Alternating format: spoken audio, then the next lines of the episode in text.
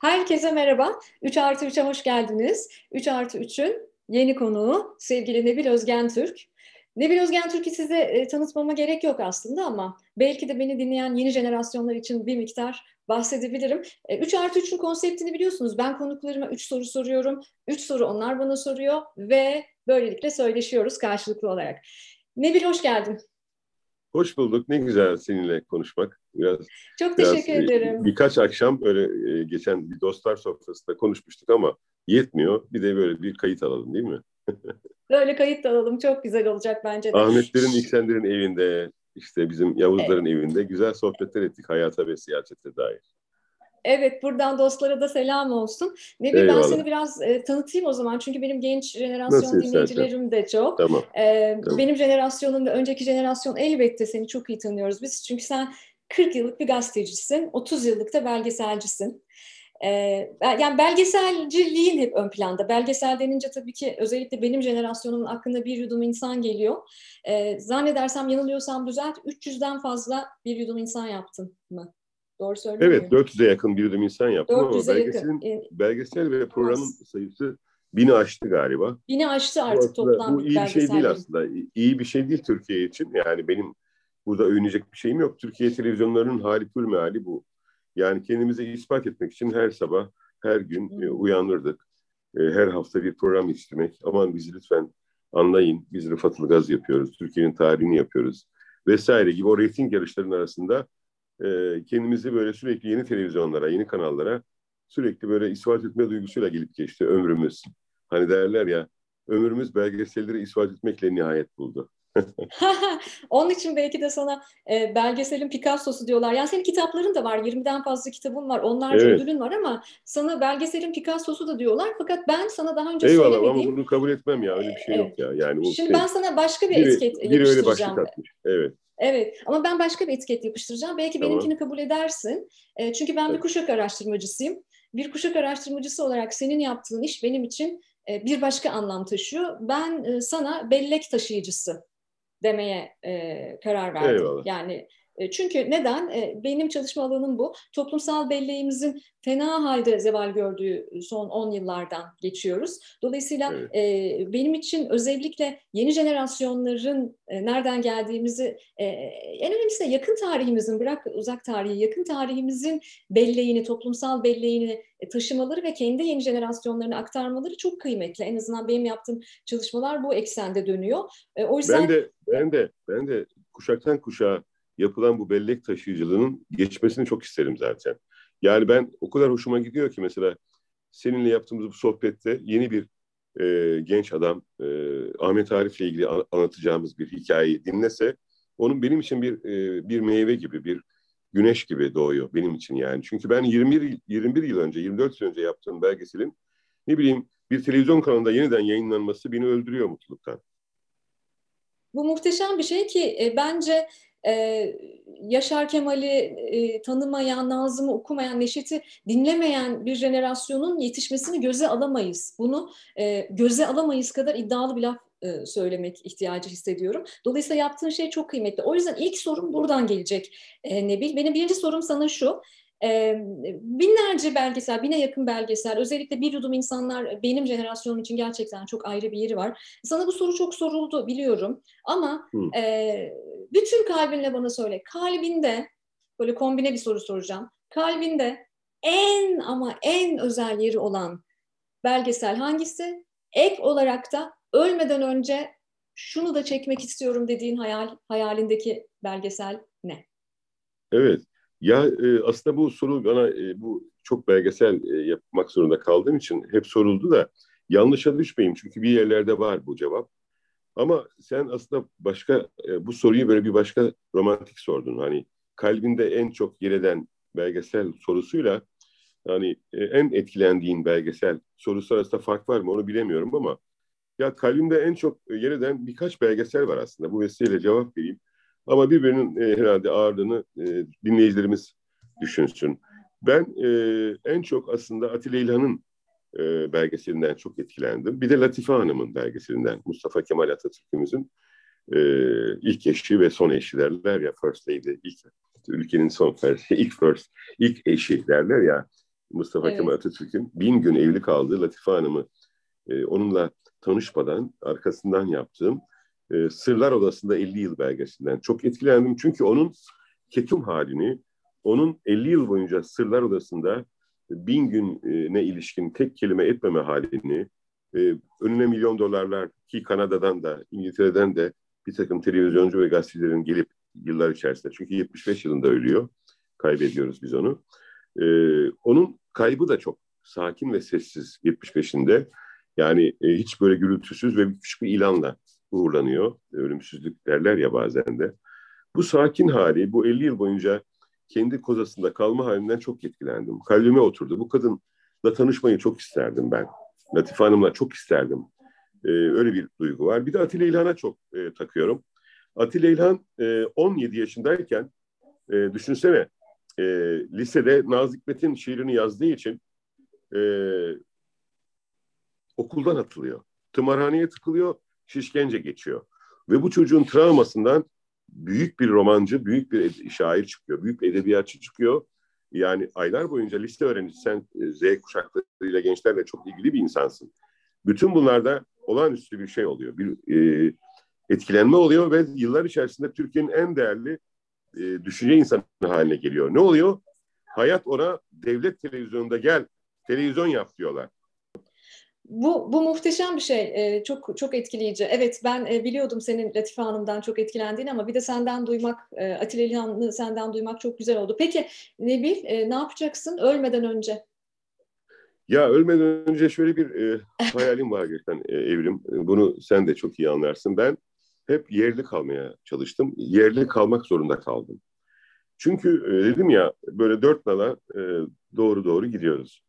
Dört nala böyle aman bu hafta da bir şey yapalım, bu hafta da yetiştirelim. O zamanın e, çok bilinen kanallarında her hafta bir şey üretmek, bazen 3-5 programın da yapımcısı olmak. Kendimi e, sınır ötesine e, aşamadım yani. Sınır ötesine dışarı çıkaramadım. Çok isterdim Torontolu bir e, banka memurunun bir belgeselimi izlemesini çok isterim. Bu yüzden de onlara uygun yani Torontolu'ya ya da New York'luya ya da işte e, Bengaldeşli'ye böyle evrensel dili olan, evrensel bir hikayesi olan bir belgeselin e, yayınlanmasını ve üretilmesini çok isterim. Bunu galiba ölmeden önce e, yapmayı da hayal ediyorum. Bir dökü drama tadında bir şeyle hayal ediyorum. Yani bu bazen herkesi ilgilendiren, dünyayı ilgilendiren ama dünyada derken milyonlar, milyarlarca insanın illa olması, izlemesi gereken bir konudan söz etmiyorum. Ya en azından belli bir kesimin, yani sen mesela Toronto'da yaşıyorsun, senin Kanadalı alt komşunun izleyebileceği ortak bir e, isimle. Bu bazen bir sinema oyuncusu olabilir. Bazen e, yaşamayan bir Amerikalı sinema yönetmeni olabilir mesela. Filmlerini e, bildiğimiz. Mesela Elia Kazan benim e, tam avucumdan kaçan bir yönetmendir. Ben bunu bir yerde anlattım.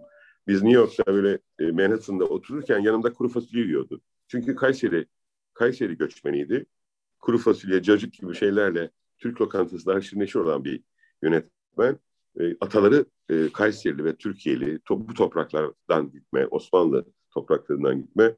Böyle mesela oradan Elia Kazan'dan Brando'ya, Brando'dan Al Pacino'ya, Martin Scorsese'e uzanıp böyle hem benim yapabileceğim biraz Anadolu'yu anlatan, Anadolu göçmenlerinin de anlatılacağı bir hikayeyi hala yapabilirim.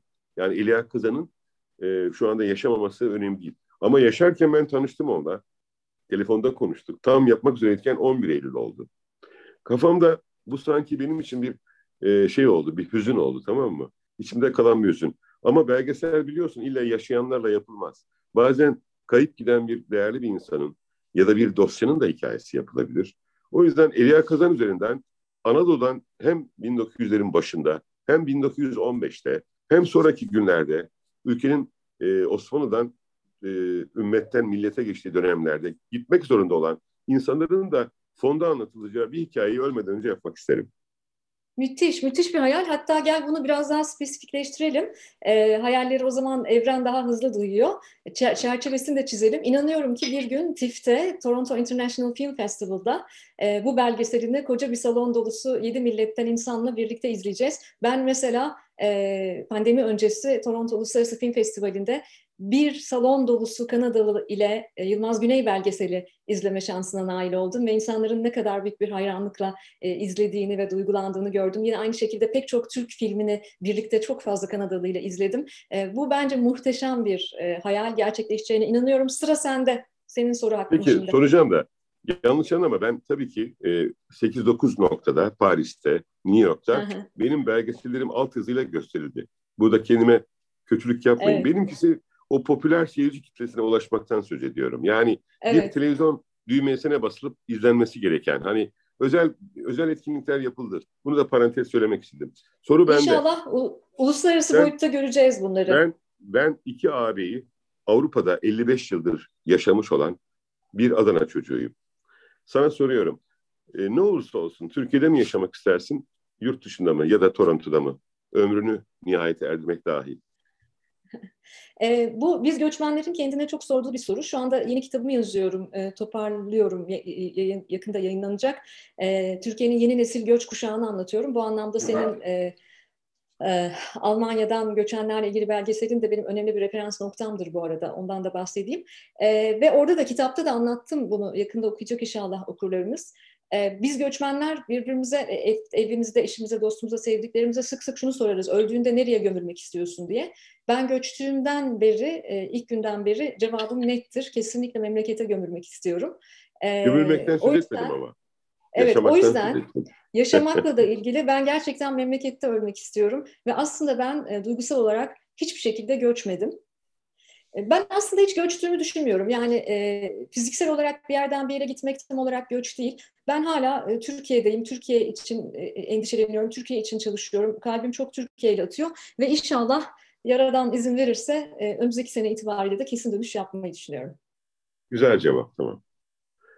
Evet. evet şimdi o zaman sıra bende. Ee, sen az önce bir e, ufak çıtlattın e, ama ikinci sorun benim oradan gelecek. Şimdi biz e, inanılmaz böyle küreselleşme dünyasındayız. Herkes bir globalleşmeden bahsediyor falan. İşte küreselleşmenin getirdiği avantajlar vesaire falan. Bana sorarsan küreselleşmenin bu kadar e, fiziksel ve e, duygusal olarak e, finansal olarak ve her türlü bedellerini ödediğimiz böyle bir çağda yerelleşmeye bir e, daha fazla önem vermemiz gereken bir dönem olduğunu düşünüyorum. O yüzden benim için yerelleşme de önemli. Şimdi yerelleşme deyince e, bence Türkiye'de Adanalılık diye bir gerçek var. Yani bu havasında mı, suyunda mı, neyinde ne var ben anlamıyorum bu Adanalılığı. Ben Adanalı değilim ama çok bulundum e, ve çok sevdiğim Adanalı dostlarım ve çok hayran olduğum Adanalı e, ilim ve e, sanat insanları var. E, o kadar enteresan bir toprak, öyle ilginç bir coğrafya ki kimler çıkmamış yani, kimler çıkmamış o coğrafyadan. Sana sorum şu, sen bir Adanalısın. Ve Adanalılığını da böyle hep e, koruyan, besleyen bir biri imajı var benim kafamda seninle ilgili. En Adanalı özelliği nedir? Ben biliyorum çok iyi yemek yapıyorsun. Vejeteryan olduğum için geçen gün yaptığın türlüyü yiyemedim ama e, herkes parmaklarını ısırdı. Ben hariç ben e, kokusunu evet. aldım. Yine mi yaptın? Ellerine sağlık. En Adanalı özelliğin ne Nebil? Ya galiba e, birkaç kişide daha fark ediyorum bunu benim çevrede Adanalıkta. Böyle bir kırgınlığı yoğun ama erken e, parlayıp sönen halim. Bu benim Adanalı özelliğime yakın. Babamda da öyleydi. E, ve benim e, mahallemin tanıdıkları, tanıdığım bir takım o bahsettiğim sinemacılar Adanalı. Ya bu e, erken e, parlayıp sönen bir karakterimiz var. Yani kırgınlıkla kızgınlığı böyle yaşıyoruz biz. En Adanalı özelliğim benim bu. İnsanlar bazen bu kırılmayı anlıyorlar, hiç kırılmıyorlar bana. Ama bazı insanları kırdığımı fark ediyorum bu erken parlamayla. Bu biraz adanlıktan geliyor. Bu 15 yaşından beri böyleyim. Hatta oğluma da bakıyorum oğlum da öyle. Bir anda kırıldığı, sinirlendiği bir şeye e, yani bir aşırı insani olmayan bir tepki değil. Birden sesini yükseltme hali oluyor. Bu galiba benim babamdan, genimden, Adanalıktan kaynaklanan. Çünkü ben Adanalı yaşadım gerçekten. Sokaklarında büyüdüm 18 yaşına kadar. Adanalı olmakla çok övündüm. Şu anda Adana Altın Koza Film Festivali'nin başkan yardımcısıyım. Hala Adana'ya gönlüm var. Adana'dan hiç kopmuyorum, kopmayacağım. Ya ben hep cebimde taşıdım hani bu meşhur şiirdeki gibi şehrimi. E, üniversite yıllarımda da İzmir'de yaşarken de, İzmir'de gazetecilik yaparken de, dolaşırken de, İstanbul'a geldiğimde, İstanbul'a belgesele başladığımda hep Adanalı tarafımı hep korudum. Ve dostlarım var böyle Adanalı. Çok e, şeyim yani hemşeri gibi algılama lütfen bunu. Hemşerilik yok bende. E, Adanalı dostlarım çok şirin benim. Yani Sinemacı da var, e, reklamcı var, işte bildiğin insanlar da var, o saydığın insanlar. Ve bunlarla çok güzel aşk yaşadım ben, e, dostluk yaşadım demek istiyorum. Arkadaşlık yaşadım, sevgi yaşadım ve onlardan ihanet görmedim. İnsan ihanet görmediği dostlukları sürdürür. Yani bir racon vardır adamlıkta hafiften. Ben öyle düşünüyorum. Bu Sinopluk'ta yok mu bilmiyorum. Var tabii ki. Herkes kendi hemşerisini seviyor ama biz Adanalılarda böyle bir takım raconlar daha mı öne geçmiş diye düşünüyorum. İşte bu sözünü tutma hali, işte dayanışma duygusu çok yoğun mesela. Bir tarafımda o benim Adanalıkta. Ben a, almaktan çok vermeyi seven bir insanım. İnsan üretmeyi ve dostluk masası üretmeyi seven bir insanım. Çok önemserim. Yani böyle aman birileri buluşsun ve birilerini ben buluşturayım, tanıştırayım. Bu da bir Adanlık özelliği. İkinci özelliğim budur.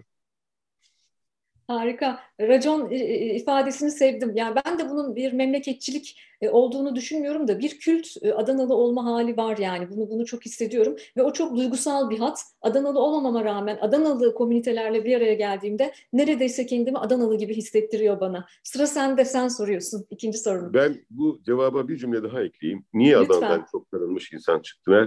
Şöyle bir örnek vereyim. Bir amiral gemisi var. Diyelim ki Karacaoğlan, Dadaloğlu. Sonra ikinci amiral gemisi diyelim ki Yaşar Kemal, Orhan Kemal, Yılmaz Güney. Ben e, bizim topraklarda yetişti bu insanlar. Duygusu sonraki kuşakları çok etkiledi. Beni etkilediği gibi bundan sonraki adamları da etkiliyor. Ya bak buralardan çıktı bu adamlar. Biz neden yazı yazmıyoruz, edebiyat yapmıyoruz? Çünkü çok ünlü bir Adanalı iş adamı var ama daha çok sanat insanları var fark ettin. Onu soruyorsun. Bu yüzden evet, etkilenmeyi evet. önemsiyorum. Toprakların da kendine has bereketi var. Çünkü dünyanın en çok göç alan şehirlerinden biriydi 50'lerden itibaren. Kapatıyorum evet. parantezi. Benim evet. sorum niye bu kadar Z kuşağıyla ilgileniyorsun? Ee, Merak ediyorum ve bunu da çok önemsiyorum. Evet. Ve senin şeyin hani uzmanlığına dönüşmüş. Yani şey bu yeni kuşak meselesi ve kuşaklar meselesi senin bir parçana dönüşmüş. Kolun gibi, gözün gibi, gözlüğün gibi. evet bir uzvum haline aldı bu 20 yıldır e, bu alanda araştırmalar, çalışmalar yapıyorum. Hep dönem dönemin gençlerini çalışıyorum ama e, her dönemin gençlerini çalışırken e, bu kuşağı biraz daha büyük bir e, merakla bekliyordum ne yalan söyleyeyim. Yani bu işleri ilk yapmaya başladığımda. Çünkü dünyanın çok ızdıraplı, çok sancılı bir dönemine denk geleceklerini ve yaralı, e, canı acımış bir dünya onları bırakacağımızı öngörüyordum bir kuşak araştırmacısı olarak. Dolayısıyla acaba nasıl, ne yapsak ki e, el birliğiyle onları kendini yalnız hissettirmeden daha yaşanır bir dünya inşa etsek? Bütün derdim benim buydu.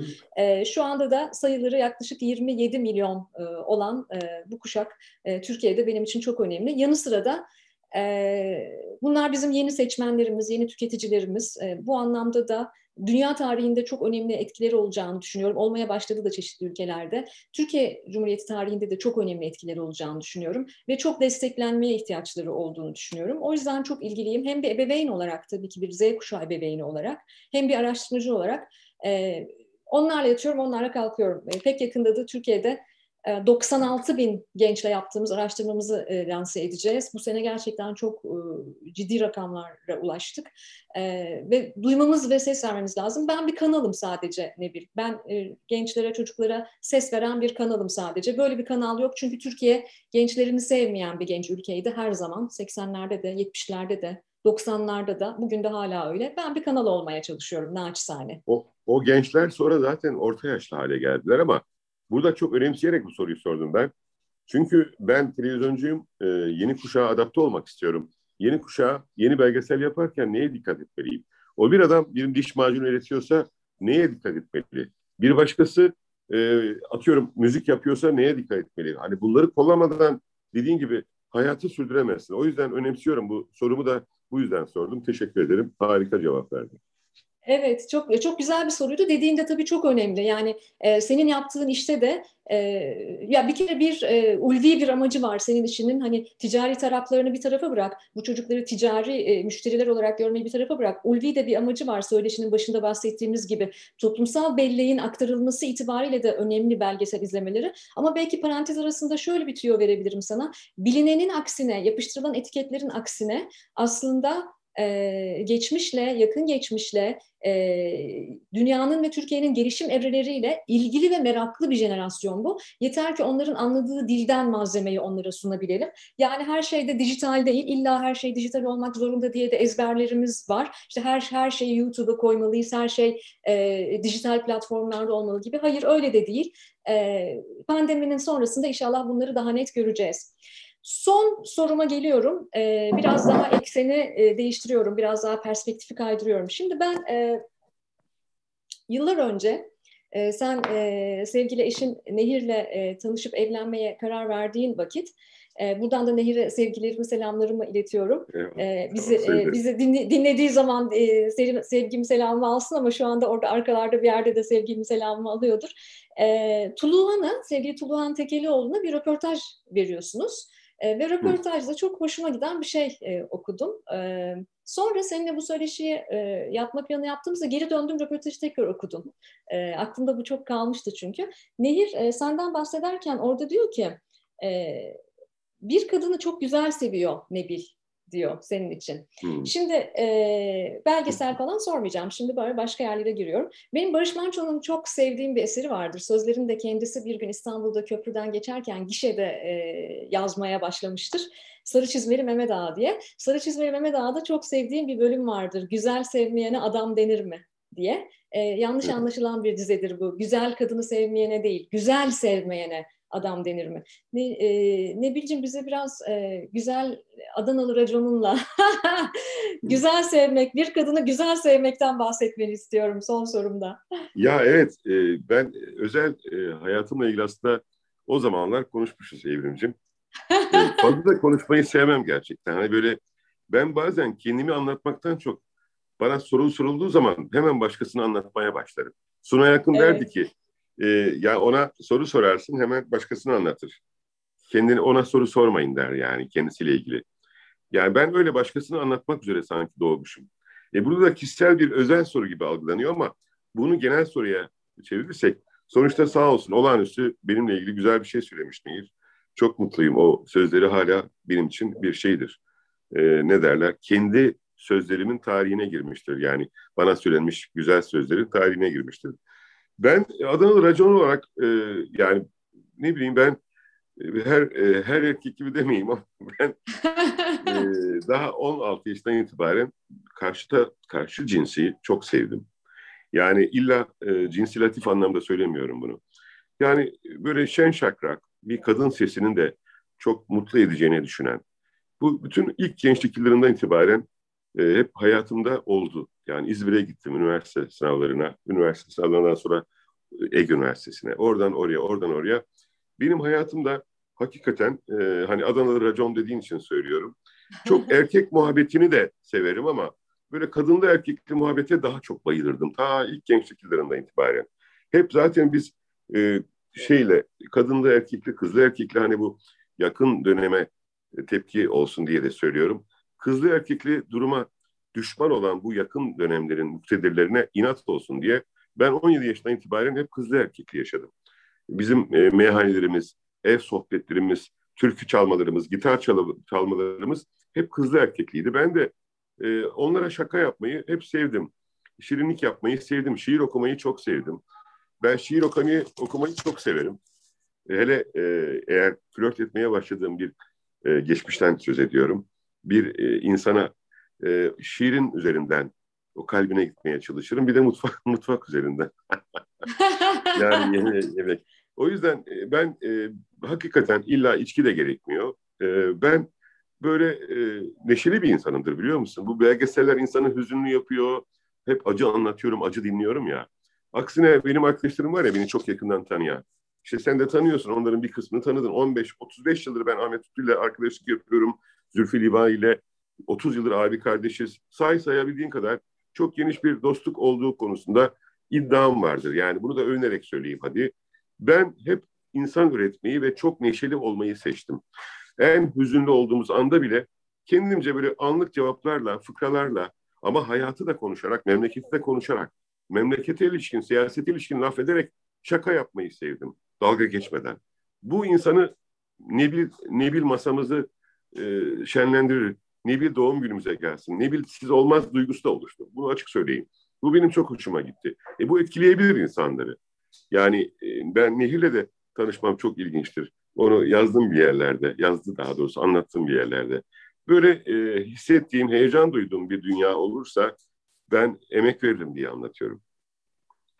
Harika. Sevgi emek de o zaman öyle mi?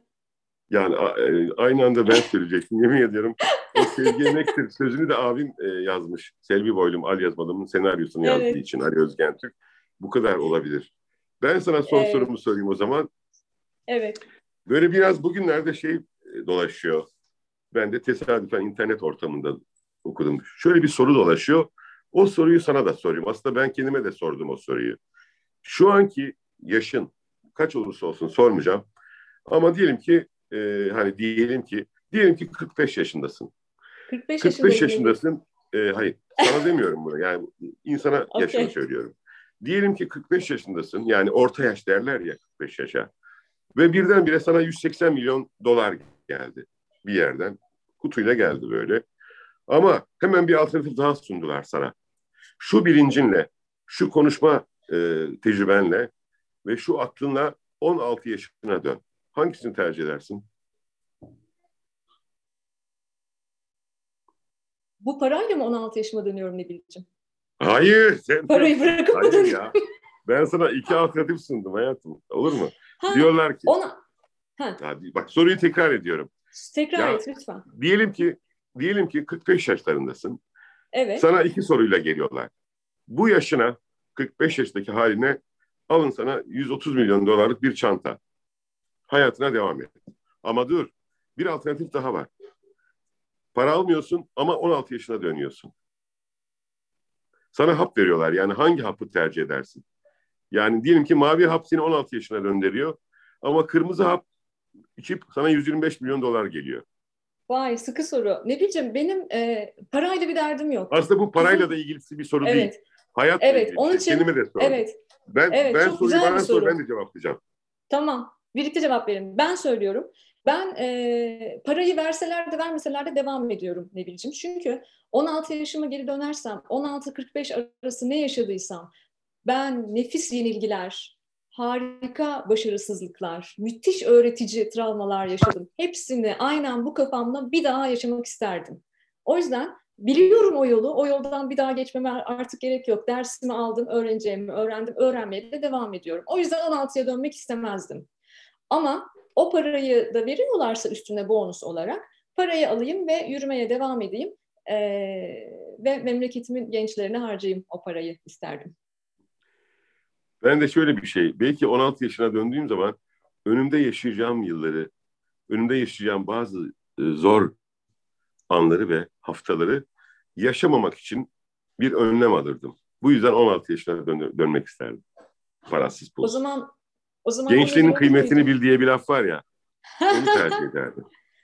o zaman bu ne bil olur muydu? Bu evrim olur muydu? Da bu da başka bir soru değil mi? Hiç önemli değil. Yeniden bir 50 yıl daha yaşamak, 40 yıl daha yaşamak, 30 yıl daha yaşamak yani bunlar galiba bir de hayır bu bilincimle diyorum bak. Bu bilincimle. Bu bilincinle evet. Hatalarımla ve hataları belki de bir daha yapmama hali. Hatalar dediğimiz nedir bilmiyorum da yani en azından e, etrafımızdaki kötüleri, Bizanslıları belki ayıklama şansı da olabilir. Bilmiyoruz ki. E, belki evet, de ama bu önümüzde vesileyle... yaşanacak ya bu bir fantastik bir soru zaten. Evet. Burada ama bu vesileyle çok... Bizanslılara da selam gönderelim. Yani Bizanslılar bizim antagonistlerimiz yani. Onlar sayesinde geliştik. Onlar sayesinde terbiye olduk belki belli alanlarda. Evet. İçimizdeki Bizanslılar sayesinde belki. Ee, o zaman e, Nebil e, e, bu sorunla beraber şöyle kapatalım istiyorum. Samuel Beckett'la kapatalım o zaman. Tamam. Samuel Beckett ne demişti? Hep denedin, hep yenildin, olsun, yine dene, yine yenil, daha iyi yenil. Bundan sonraki kalan kısmında ömrümüzün deneyelim, yenileceksek gene yenilelim. Ama hayat güzel, keyifle yaşamaya devam edelim. İyi ki yayınıma geldin ve çok sıkışık bir takvimde geldin. Şimdi de buradan bir montaja gideceksin biliyorum. Seni fazla tutmak istemiyorum. Çok teşekkür tamam. ediyorum. İnşallah Toronto'da, Bodrum'da, İstanbul'da bir yerde en yakın zamanda görüşmek üzere. Umarım. Online montaj yanlış anlaşılmasın böyle bir cumartesi akşamı montaja. Online evet, üzerinden online montaj. toplantı yapıyoruz bazen. Ee, yani bir toplantıya gerek var çünkü bir şey yetiştireceğiz. yarın ve ertesi gün iki canlı yayına katılacağım onlarla ilgili. Çok mutlu oldum ya. Ne kadar e, şey rahat ediyor insan. Bu şeyde Çok senle yani. ederim. Çok Evet, teşekkür ederim. Gene gel. Gene konuşalım. Eyvallah. Hoşça kal Demir. Çok mutlu oldum. Çok sevgiler. Hoşça kal. Sevgiler. Hoşça kal. Bay bay. Bay bay.